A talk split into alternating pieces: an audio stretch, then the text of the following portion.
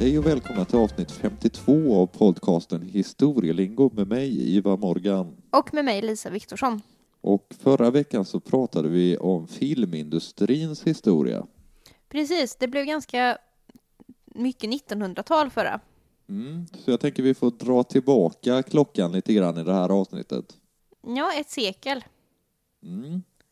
För idag blir det framförallt 1800-tal. Ja, och lite 17 också kanske. Ja. Men vi kör en vignett och sen drar vi igång.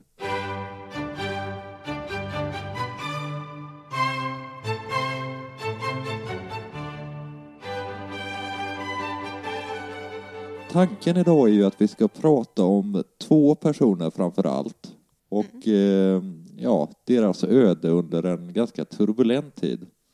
Det ska vi göra. Vi ska prata om eh, två kungligheter Mm. Som gjorde något så ovanligt som att skilja sig. Det gjorde de och det var inte helt vanligt att man skilde sig på den här tiden. Det var det inte och absolut inte om man var kunglig. Och de vi talar om är ju då förstås Gustav IV Adolf och drottning Fredrika. av baden.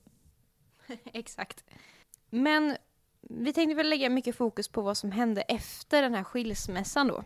Mm. Men för att kunna göra det så behöver vi kanske ha en liten recap med vad som har hänt. För det är ju nämligen så att de är ju inte kungligheter längre när de skiljer sig. Nej, det var ju turbulenta tider och eh, ja, vart ska vi börja? Ska vi börja med Gustav III? Jag tycker vi börjar med mordet på Gustav III.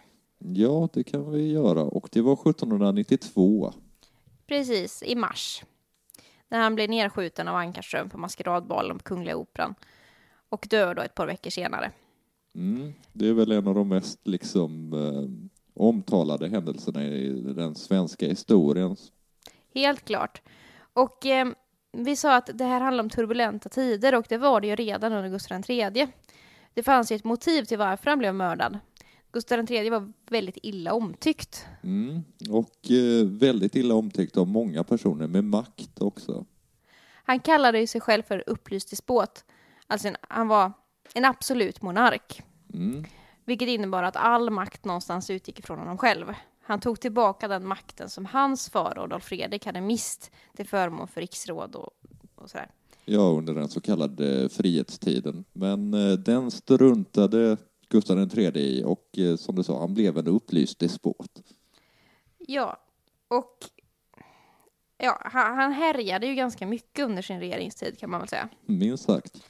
Och det fanns många anledningar för människor att tycka illa om honom och, och så. Men det som kanske framförallt gjorde folk upprörda, det var ju ett krig. Mm. Mot eh, Ryssland. Ja, han bröt ju då ett fredsavtal och startade krig mot Ryssland olagligen. Mm. Lite på eget bevåg också. Han, på, han provocerar fram den här konflikten. ja, det gjorde han definitivt. Och det här var ju illa omtyckt av hela världen egentligen. Framförallt kanske av Katarina den stora i Ryssland, som han dessutom var släkt med. Ja, kusin om jag inte missminner mig. Ja, ja. Eh, och ehm, hela den svenska liksom, överklassen, alltså adeln, vänder sig emot honom och tycker det här är fruktansvärt. Det är Mili- något slags vansinne liksom. Ja, det är vansinne. Militären är emot honom och svenska folket börjar ju också liksom att tvivla på kungen som han tidigare haft väldigt mycket stöd ifrån svenska folket. De börjar ju liksom, de måste, måste ju vara, de måste ju ut i krig. Det är som en gryta som sakta men säkert börjar puttra över här. Det kan man säga. Och eh, detta i kombination med mycket annat leder då fram till den här liksom konspirationsgruppen, så att säga, de sammansvurna, som bestämmer sig för att ta livet av kungen. Mm. Och den som utses att bli mördad är ju då Jakob Johan Ankarström Ja, och han knäpper kungen. på maskeradbalen. Och eh, Jakob Johan Ankarström han grips ju sen senare, eh, samma dygn. Men jag tänkte att det är inte riktigt mordet vi ska tala om idag.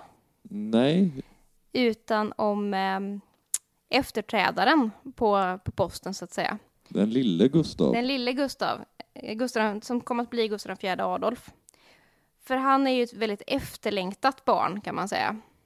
Ja, de hade ju haft lite problem med att få en äh, arvinge.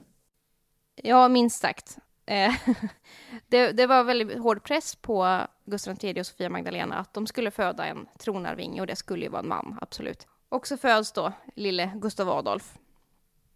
Och Gustav III han blir så himla glad så att lille Gustav Adolf får hela 49 faddrar. Ja, det är många. Det är fler än de flesta har. Ja, det får man väl säga. Ehm, Men vid tidpunkten för mordet så är Gustav Adolf bara 13 år gammal. Mm. Han är ju för liten för att styra ett land. Ja, han är ju till och med mindre än Karl XII var när Karl XI Ja, gick bort. precis. För Karl XII var väl 15. Mm, Så det blir som när Kristina blev regent kan man säga. Det tillsätts en förmyndarregering. Mm, rimligen. Ja, Gustav Adolf, han är ju på pappret, han är ju kung. Men förmyndarregeringen leds av förmyndarregenten då, som är hans farbror eh, Karl, hertig Karl, som senare då kommer att bli Karl XIII. Men i praktiken, så att säga, så styrdes ju Sverige av liksom, politiker, Ja, så det, säga. så var det ju. Så var det, absolut. Hur som helst, vi vi kan väl säga också att Gustav Adolf har haft en lite, lite kämpig uppväxt. Mm. För att eh, han lämnas vid två års ålder så lämnas han ifrån liksom att ha umgåtts mest med Sofia Magdalena och hennes liksom hovdamer och sådär mest i en kvinnlig sfär. Så lämnas han över liksom i sin fars krets istället. Mm. Och han eh, uppfostras av anförvanter till Gustav III och ganska hårt. Han Mm. får inte leka med andra barn. Han får bestraffningar när han gör fel och sådana saker. Ganska, ganska kall och hård uppväxt på många sätt. Mm. Men hur som haver, han blir kung och han tar över tronen på sin 18-årsdag. Mm. 1796. För det var ju då man, man blev myndig. Ja, precis. Och eh, när man väl blir kung så ska man ju hitta en lämplig drottning också. Och eh, en av dem som eh, blir en kandidat är ju då Fredrika av Baden. Absolut. Och ehm, ja, hon är en så bra kandidat så att det till och med blir ett bröllop. Mm. Det sägs att eh, Gustav IV egentligen hade bara ett kriterium som han var benhård på och det var att det skulle vara en protestantisk brud. Ja, och det blev det. 1797 så gifter de sig. Och ehm, deras äktenskap beskrivs som ganska så lyckligt till en början. De verkar tycka om varann. Mm. Vilket inte alls var givet i kungliga äktenskap. Nej, kolla bara på eh, föräldrarna till Gustav IV. De eh, var inte så såta vänner alltid. Eh, nej, de var nog aldrig det, skulle jag nog vilja påstå. Nej, de tyckte inte om varandra. Hatet var nog ganska ömsesidigt mellan Sofia Magdalena och Gustav III. Mm. I alla fall, eh, de verkar ha trivts enligt liksom samtida vittnen och eh, redan 1799 så föds då sonen Gustav Mm. som tronarvinge. Precis. Vad den lille Gustav inte vet vid det laget är att han aldrig kommer bli kung. Nej, det vet han inte. Det vet ingen. Nej. Men en, en detalj är att Gustav IV Adolf är inte krönt än. Nej. Utan de krö, han kröner sig inte förrän 1800. Mm. För att då kallar han till en riksdag. Och det är den enda riksdagen under hans regenttid. Och det är ganska anmärkningsvärt. Men det är för att Gustav IV Adolf var inte speciellt intresserad av inrikespolitik. Han Nej. tittade utåt, han hade ju ärvt en del av sin fars storhetsvansinne och så, så vidare. Mhm. Som vi kommer komma tillbaka till strax. Men han låter även kröna Fredrika till drottning då. Mm. Den 3 april 1800 i Norrköping av alla ställen. Ja, och eh, de närmsta åren så verkar de ha levt och ha haft rätt, relativt bra. Ja, de får ju flera barn under Mm. den här perioden. De hade ju totalt fem barn, men ett av dem eh, gick bort tidigt. Men fyra överlevde till vuxen ålder. Precis. Och eh, de bodde inte bara i Stockholm. De bodde en ganska lång tid i Malmö, där Mm. båda två trivdes. Det finns ju ett torg i Malmö som heter Drottningtorget som eh, ska ha med Fredrika att göra, ska vara döpt efter henne. Ja, det ska det vara. Och samma eh, Gustav Adolfs torg. Som jag sa, han var väldigt intresserad av utrikespolitik. Mm. Gustav IV Adolf var en inbiten royalist. Han trodde stenhårt på monarkin och han trodde på kunglig might och upplyst despotism och eh, så vidare. Alla de här grejerna som egentligen inte var så inne efter den franska revolutionen. Tvärtom var ju det här jätteute för att vi har ju börjat få ett ganska borgerligt samhälle eh, i Sverige i början på 1800-talet. Och 1800-talet blir ju liksom det århundrade då borgerligheten verkligen växer fram och blir en betydande samhällskraft på ett sätt det inte har varit tidigare. Ja, och det här, man brukar kalla det att adelssamhället, att det faller 1866 och sånt. Och det är ju så att det är, Napoleon är ju, han är ju på modet så att säga. Ja, han är den stora hunden i Europa. Och väldigt många tar ju parti för Napoleon liksom och tror på revolutionen, men inte Gustav IV Adolf. Nej. Han hatar Napoleon. Han när ett enormt förakt och hat emot Frankrike och Napoleon. Och det var väl lite det som skulle komma att bli hans fall också. Och om man ser då, ur det perspektivet så kan man absolut dra de reflektionerna ur det här som kommer hända. Ja, absolut. För han gör ju någonting, så alltså, ni får tänka er nu Sverige, ganska splittrat Sverige, där ingen riktigt tror på kungen, där den gamla kungen blev mördad, Mm. eh, där det är oense och det är, det är ingen riktig ordning med någonting i Sverige. Man har som sagt inrikespolitiken går det sådär med. Och så har vi ett Frankrike som är på frammarsch, Mm. som har en, ja, världs, som kommer att bli världshistoriens största ledare då Napoleon. Och en väldigt stark armé. Mm.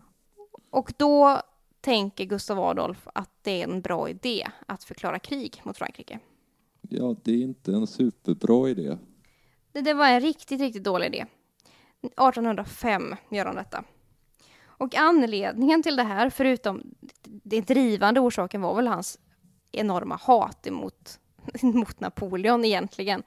Och hans någonstans storhetsvansinne. Han ville ju bygga upp en, en liksom, någon slags stormakt som hans far då hade misslyckats med. Så ville han liksom, och, och mycket av det Gustav Adolf gör handlar ju om att återupprätta kungamakten i Sverige Mm, och statusen på kungamakten. Och det har väl förmodligen med mordet att göra kan man tänka sig. Det kan man absolut tänka sig. Eh, I alla fall, men förutom hans förakt mot Frankrike och Napoleon så handlar det också om ett avtal. Det så kallade kontinentalsystemet. Just det. Och eh, det var flera länder i Europa som gick samman i en blockad mot Storbritannien. Mm. Men eh, det här var ju liksom Napoleons idé och eh, Gustav Adolf, han ville bibehålla handeln med Storbritannien. Så då blev krig lösningen. Och ja, och man- krig blev det. Ja, det blev krig utav bara den och Sverige förlorade enormt. Ja, Eh. surprise.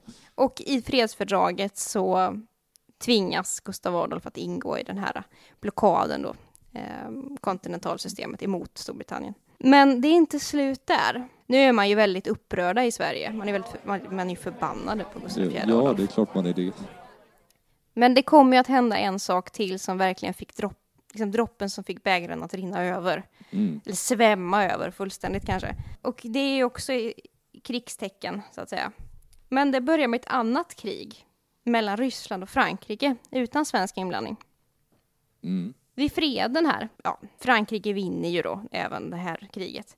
Och vid fredsförhandlingarna 1807 så ställer Napoleon ett ultimatum emot tsar Alexander. Mm. Att antingen så går det krig mot Sverige för att Napoleon är, han är sur på Sverige. Ja, han är jävligt är på Sverige. sur. Så att antingen går det krig mot Sverige eller så måste du också ingå i det här kontinentalsystemet. Och det vill han inte. Det vill han inte, så det blir, det, han väljer krig mot Sverige. Och eh, Gustav Adolf på sin sida, eh, han blir inte jätteledsen över det här. Det kommer Nej. in liksom ryska trupper i Sverige och det är liksom, ja, det kallas för finska kriget då, för att Finland var ju en del av Sverige. Ehm, och det, det, han, det var ju Finland kriget handlade om. Ja, och det var ju Finland som utgjorde liksom krigsskådeplatsen också. Ja, absolut. Och man kan ju tänka sig att efter att precis ha förlorat ett krig så skulle man kanske vara lite ödmjuk och försöka fredsförhandla och så.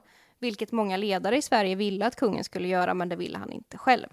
Nej, Utan han, han eldar på där. ja, han går med huvudet före in i den här konflikten. Och eh, ja, det är ju ganska självklart vem som vann. Ja, Sverige förlorar och eh, Finland blir ryskt. Och ifrån och med det här kriget då så blir ju aldrig Finland svenskt igen. nej. Utan Gustav IV Adolf är den sista eh, svenska kungen i Finland. Det här var såklart inte populärt nere på byn att halva kungariket försvinner. Nej, det är ju, det är ju bokstavligen liksom halva kungariket som försvinner. En rolig detalj är dock att Gustav IV Adolf får rikta in sig lite ända sedan unga år på Finland. Okej, Ja, han talade faktiskt finska. det visste jag inte. Nej, det är lite rolig fakta om honom. Men som sagt, eh, han hade väl inte så stor nytta av det efter, efter kriget. Och följden blir ju för Gustav IV Adolf katastrofal. Ja, för man kan ju inte ha en kung som har mist halva kungariket. Det funkar ju inte, så att eh, han blev avsatt. Han blir avsatt den 13 mars 1809. Ja, det börjar ju gå rykten på stan att något inte riktigt är som det ska vara. Nej, precis, för att det når kungen eh, den 12 mars när de befinner sig på Drottningholm.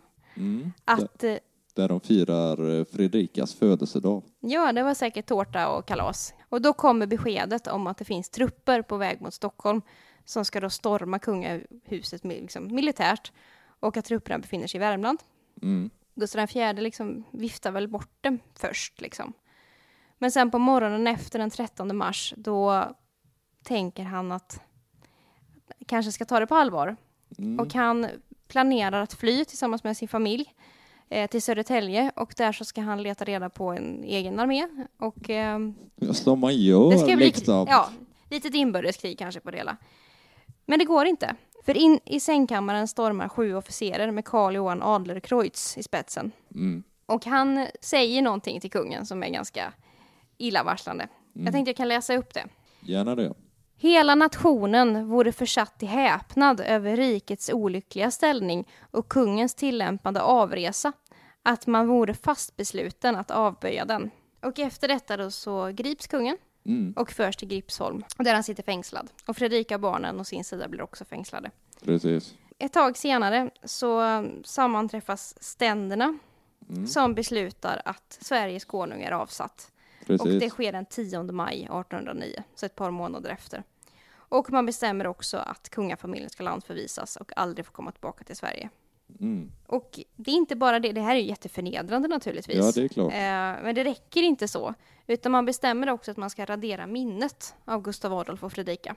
Mm. Så man tar bort eventuella, liksom, mycket målningar, eh, bränns och rivs sönder.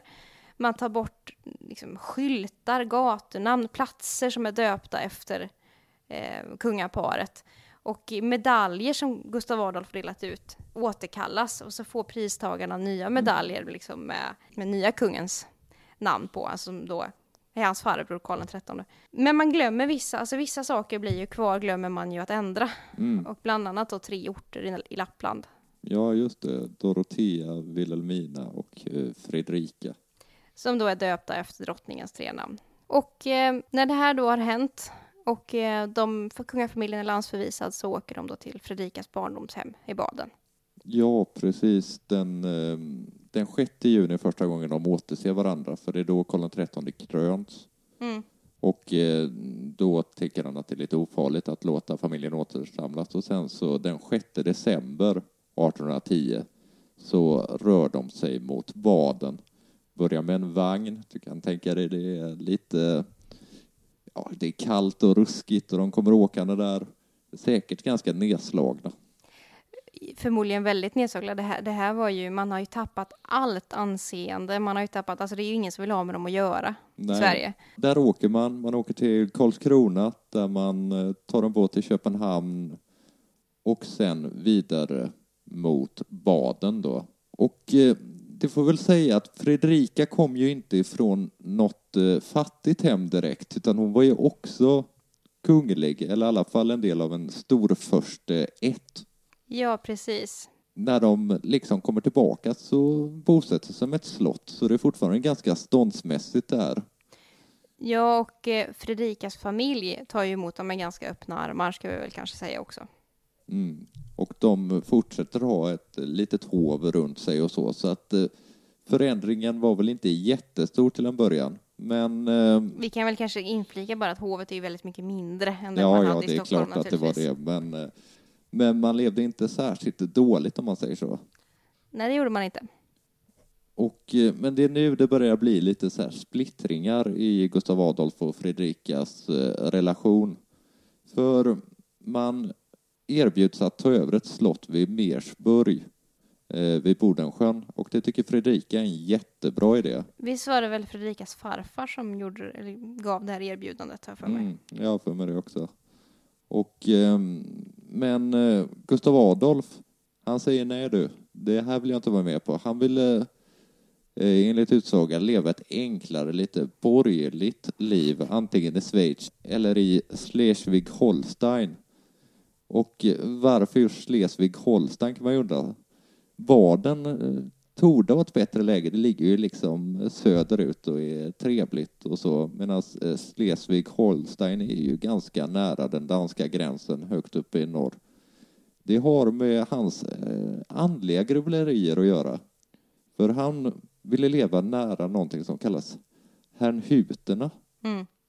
Och ja, det var trosförbund, eller de finns fortfarande idag faktiskt. Men eh, hermetismen har väl egentligen eh, eh, utgångspunkten att man ska ha rätt hjärteförhållande till Gud, eller kanske snarare Jesus.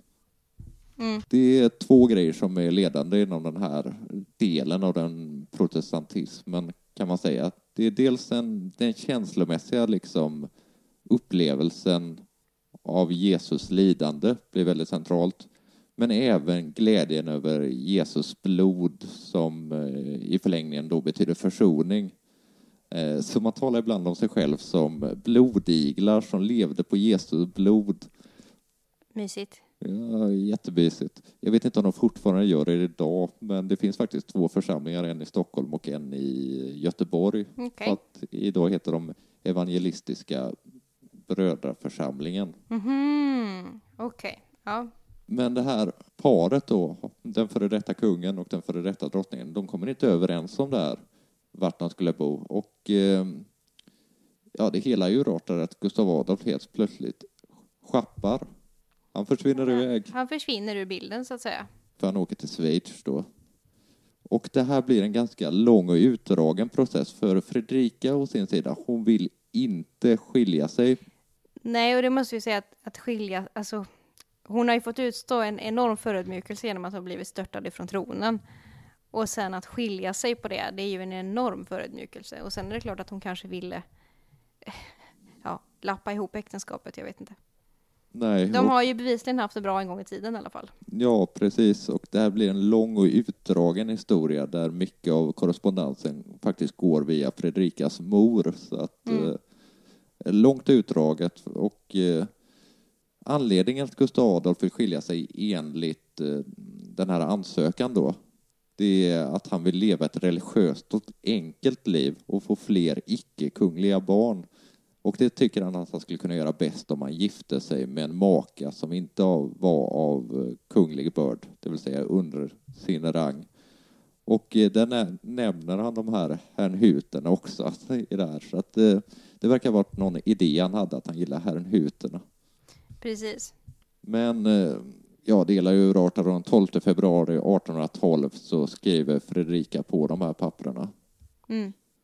Och eh, Gustav Adolf förlorar ju också kontakten med sina barn i samband med skilsmässan, ska vi säga. Ja, precis. Han eh, avstod ju alla anspråk på barnen och eh, även all egendom i Sverige plus sina föräldrars arv. Så det här gör ju att när enkedrottningen, det vill säga farmodern till de här barnen, Ja. när hon dör så är det barnen som ärver allt det här och eh, hon dog året efter eh, 1813. Och då pratar vi då om Sofia Magdalena såklart. Precis. Men Fredrika hade ett ganska nära förhållande med Sofia Magdalena, men även med sin efterträdare, den väldigt berömda Hedvig Elisabeth Charlotta. Ja, och eh, det är inte så konstigt. För att när eh, unga Fredrika kom till Sverige så var det ju de här två kvinnorna som mycket tog hand om henne och fick lära henne hur liksom, det svenska hovlivet fungerade.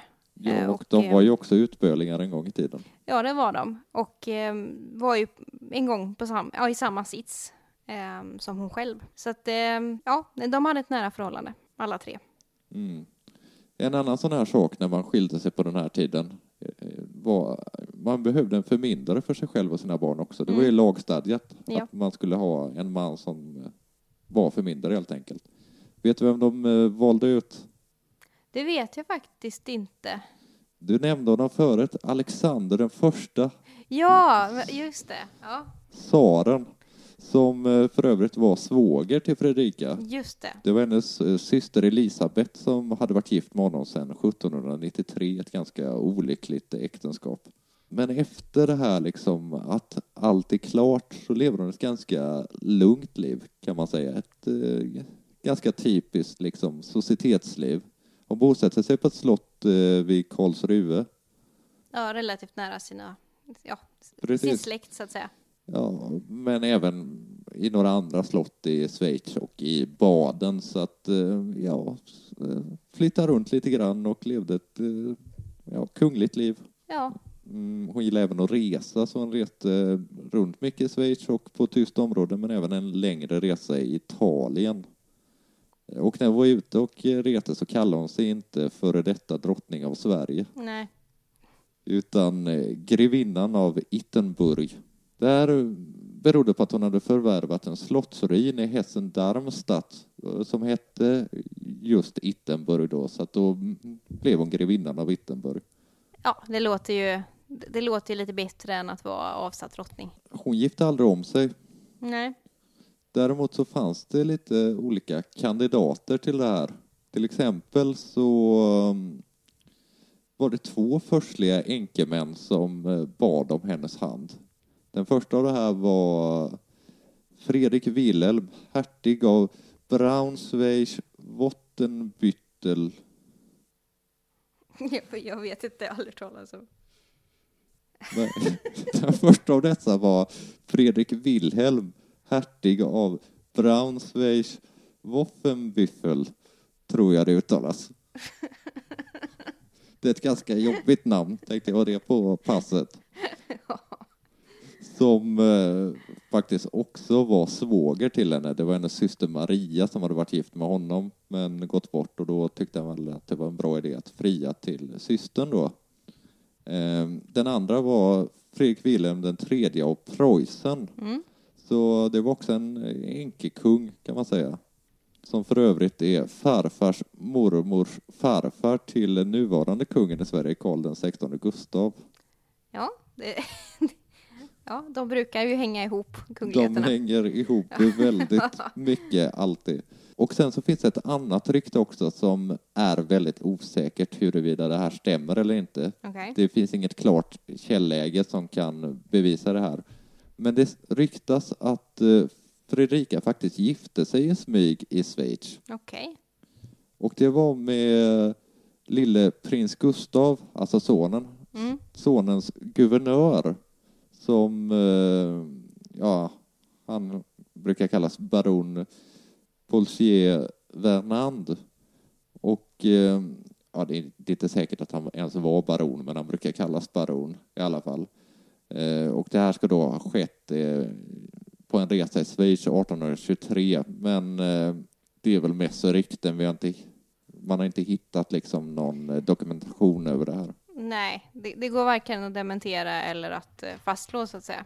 Men baden kommer ju komma tillbaka till den svenska kungafamiljen sen. För Victoria av Baden som Mm. var drottning och gift med Gustav V, hennes farmors mor var just eh, Fredrika. Så att eh, relationen med det svenska kungahuset tog inte slut där.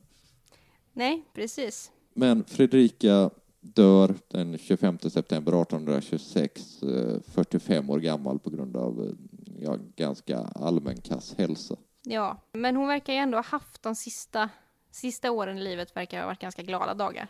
Ja, det verkar som hon hade ganska trevligt faktiskt. Jag tänkte att vi skulle titta lite på hennes före detta make Mm. och hans eh, sista år i livet. Ja, de var inte lika trevliga. Nej, det var de definitivt inte. Han ger sig ju iväg hals över huvudet och lämnar Fredrika-barnen, Mm. som vi sa. Och han åker till Basel. Mm. Men han kom att flacka runt som bara den i liksom, framförallt i Tyskland och Schweiz. Om det är någonting man kan om hans sena liv var att han levde ett kringflackande liv. Det gjorde han, absolut. Han var riktig vagabond nere i Europa. Och eh, som du sa så var ju anledningen att han ville liksom leva ett religiöst liv och eh, gifta sig neråt och han ville framförallt ha flera barn som inte skulle vara kungliga. Mm. Men det här är någonting som man inte kommer att lyckas med, i alla fall inte äktenskapet. Nej, barn fick han, men han gifte sig aldrig Han igen. gifte sig aldrig igen. Och när han flackar omkring då nere i Europa så har han två namn som han kallar sig. Och det ena är greven av Gottorp från ätten Holstein Gottorp som du var inne på. Som han tillhör. Och kanske det mest kända står överste Gustavsson Mm. som han nog föredrog att använda. Ja, det lät inte så kungligt.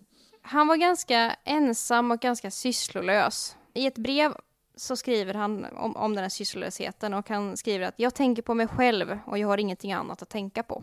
Nej, Och han, har ju, han är ju ensam för att ingen vill ju riktigt ta i honom med tång. Även liksom Napoleonmotståndare vill inte offentligt ha, liksom, umgås med honom eller ha med honom att göra, även om de kanske inte tycker illa om honom. han har väl lite sig själv att skylla också som eh, stack från sina ungar och eh, aldrig mer träffade dem. Ja, de- dels det och sen eh, den här historien eh, från Sverige är ju allmänt känd. Liksom, liksom. Och dessutom så har han ju hittat andra intressen i livet som har med alkohol att göra framför allt. Så att han blir ganska snabbt alkoholiserad. Han lever dessutom ett vilt kärleksliv. Han går på bordeller, han har älskarinnor till kors, liksom kors och tvärs. Och du sa tidigare att han fick barn. Och han fick ett gäng barn med tre olika kvinnor. Men han eh, avböjde sig dem, eller avstod ifrån dem också. Alla utom en. En son som hette Adolf Gustafsson. Då Adolf Gustafsson. ja, överste Gustafsson. Han erkände eh, Adolf och eh, Adolfs mor hette Maria Schlegel. Men som sagt, han hade problem med alkohol, han var mm, flackade runt, hade ingen riktig reda på tillvaron. Han var väl ganska fattig också. Det var han. Jag Han hade ju avstått arvet ifrån eh, sina föräldrar och eh, sina egendomar i Sverige och så. så att, Ja, jag tänkte vi skulle återkomma till det lite faktiskt sen med, med vad som fanns kvar i bouppteck- bouppteckningen sen efter hans död. I alla fall, han är ganska nära att gifta sig en gång. Okej. Han blir vansinnigt kär i en piga som heter Iselin. Mm. Och ehm, ja, de levde väl ett ganska destruktivt förhållande kan man säga. Och de nekades äktenskap. Det var ingen präst som ville viga dem. Och det var ett ganska stormigt förhållande. Och Gustav Adolf som ju var väldigt religiös. Han ville göra en pilgrimsresa till Jerusalem. Och det Mm. ville inte Iselin. Och då lämnade hon honom. Och det sägs att de pengarna han hade tog hon med sig. Men det vet man väl kanske inte riktigt. Men Nej, det är väl Eh. omöjligt att säga. men det blev i alla fall inget äktenskap med Iselin då. De sista fyra åren av sitt liv så bor han på ett värdshus och bara det är ju inte speciellt värdigt vid den här tiden om man har varit kung i Sverige. Nej. Värdshuset heter Vita Hästen Mm. och det låg i Sankt Gallen i Schweiz. Som operetten. Eller hockeylaget. Ja, exakt. Förmodligen döpt efter, efter hockeylaget. och där bor han i två enkla rum. Han sitter inne. Under de här sista fyra åren så är det slut på älskarinnorna. Han eh, sitter och, det han ägnar sig mest åt att läsa gamla dagstidningar Mm. ifrån sin tid som kung. Eh, Det är ju en väldigt tragisk bild för han sitter där och blickar tillbaka på den tiden som en gång var. Och sen, det som största utflykterna han gör de sista fyra åren, det är när han går in i matsalen och äter middag på det här värdshuset. Ja, det blir ett väldigt tragiskt slut på livet. Och han är inte heller speciellt gammal, han går bort, han är 59 år eh, när han dör i stroke 1837.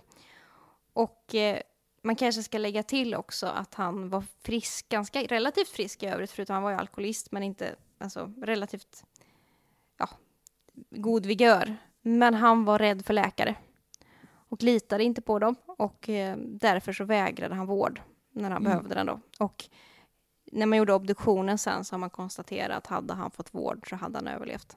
Okej. Så det gör det hela än, ännu mer tragiskt. Han miste ju alla vänner egentligen i, i och med avsättningen. Eh, och den enda kontakten han hade med Sverige det var ju via sin mor fram till hennes död år 1813. Så har han en ganska tät korrespondens med Sofia Magdalena. Som nog, hon var väl antagligen ganska olycklig över situationen också får man väl anta. Det får man verkligen anta. Den så efterlängtade sonen som eh, eh, blir avsatt och som gör bort sig och så vidare. Ja, men han, efter att han går bort då så um, begravs han ju i Schweiz. Och hans, alltså det, det, blir ju så här, alltid när någon kunglighet dör så blir det sorgetid. Mm. Och det blir det i flera hov i Europa. Men inte i det svenska. Nej, för man har ju försökt radera ut det.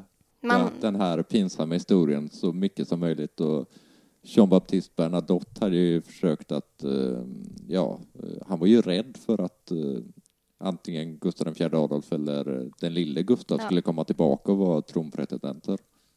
Precis, och det, det var du inne på, att Jean Baptiste Bernadotte har ju tagit över den svenska tronen. Vi har ju liksom börjat den Bernadotteska ätten. Och eh, de håller faktiskt, det svenska hovet håller faktiskt en galabal några dagar efter eh, att Gustav, Gustav Adolf har gått bort. Så att det, det bekommer de inte alls i Sverige. Nej, Men eh, vi har varit inne på henne flera gånger, vi ska nämna henne igen, Victoria av Baden.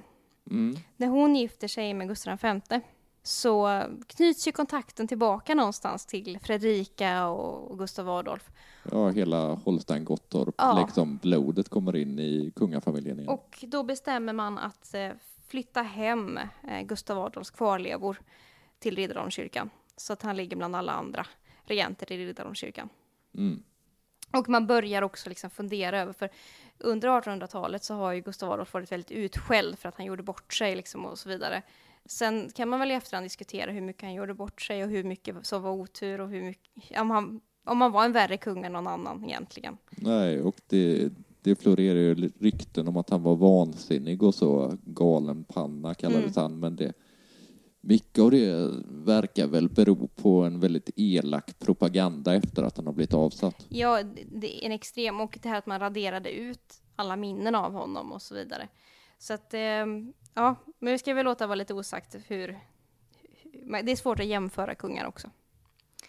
Men eh, som sagt, han dog 1837 och jag tänkte läsa upp vad som fanns i bouppteckningen då, när man, Mm. när man rensar ut hans rum på eh, Värdshusvita hästen. Det var inte så mycket antar jag. Han hade lite kläder, eh, det han hade på sig och lite grann extra i garderoben, inte mycket. Han hade några enkla smycken sparade som man kan tänka antingen har ärvt eller om man skulle ge dem till älskarinnor, jag vet inte.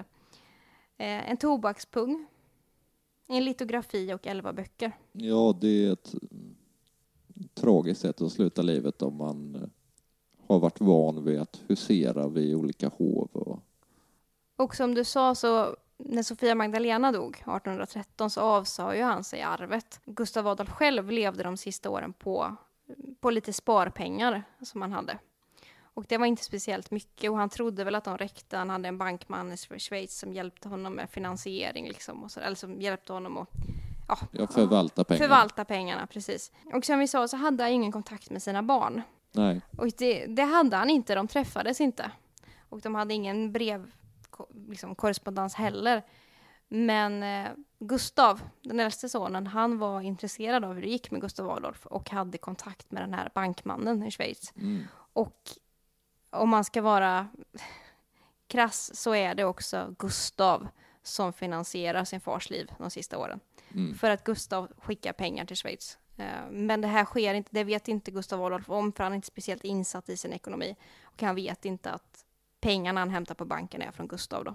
Nej, Det är också ganska tragiskt. Att det är väldigt de tragiskt. ville nog ha kontakt med varandra men det, det gick inte helt enkelt. Gustav IV Adolf är kanske en av de lite anonymare kungarna i den svenska kungalängden just för att han, Ja, blev utraderad. ja, men ganska, en ganska tragisk gestalt. Ja, det får man verkligen säga. Och det du sa med att han var anonym Fredrika är ju av samma anledning också en ganska anonym drottning i historieskrivningen. Ja, absolut. Det, det, det är märkligt. Det är inte så ofta i... Alltså under medeltiden så avsatte man kungar till höger och vänster. Men liksom i modernare historia så är ju det här det är ju unikt. Ja, att man avsätter en kung. och det ska mycket till för att man ska göra det också. Ja, det ska det. Och det handlade ju om inte bara hans liksom kassa utrikespolitik, utan det handlade ju också om inrikespolitiken i Sverige och att Sverige var väldigt splittrat. Eh, och att folk var nog emot honom ganska mycket från början också eftersom att man ville ha hans far ur livet så ville man väl egentligen ha honom ur livet också Mm. om man ska vara lite krass. Men det här var väl sagan om Fredrika och eh, Gustav Adolf, Det var det väl. eller överste Gustavsson. Ja, kalla honom vad du vill. Tycker ni det är intressant med liksom kungligheter och deras biografier så kan ni alltid höra av er om ni vill ha fler. Ja, vi har en e-mailadress som är historielingo.gmail.com Och ni hittar oss på Instagram också och där heter vi Historielingo.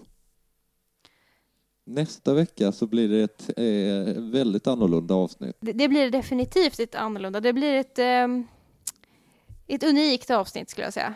Ja, vi ska prata måltidshistoria. Vi har ju gjort ett, lite ansatser tidigare, till exempel när det gäller julmust gjorde vi ett avsnitt eh, förra december. Ja, och nävgröt har vi pratat om tror jag. Och eh, säkerligen någon mer maträtt. Men eh, nästa vecka så ska vi gå all in i... Ja, vi ska prata korv. det blir konstigt, men jag hoppas ni vill vara med oss då också. Ja, vi hörs då. Ha det gott! Ha det gott. Hej.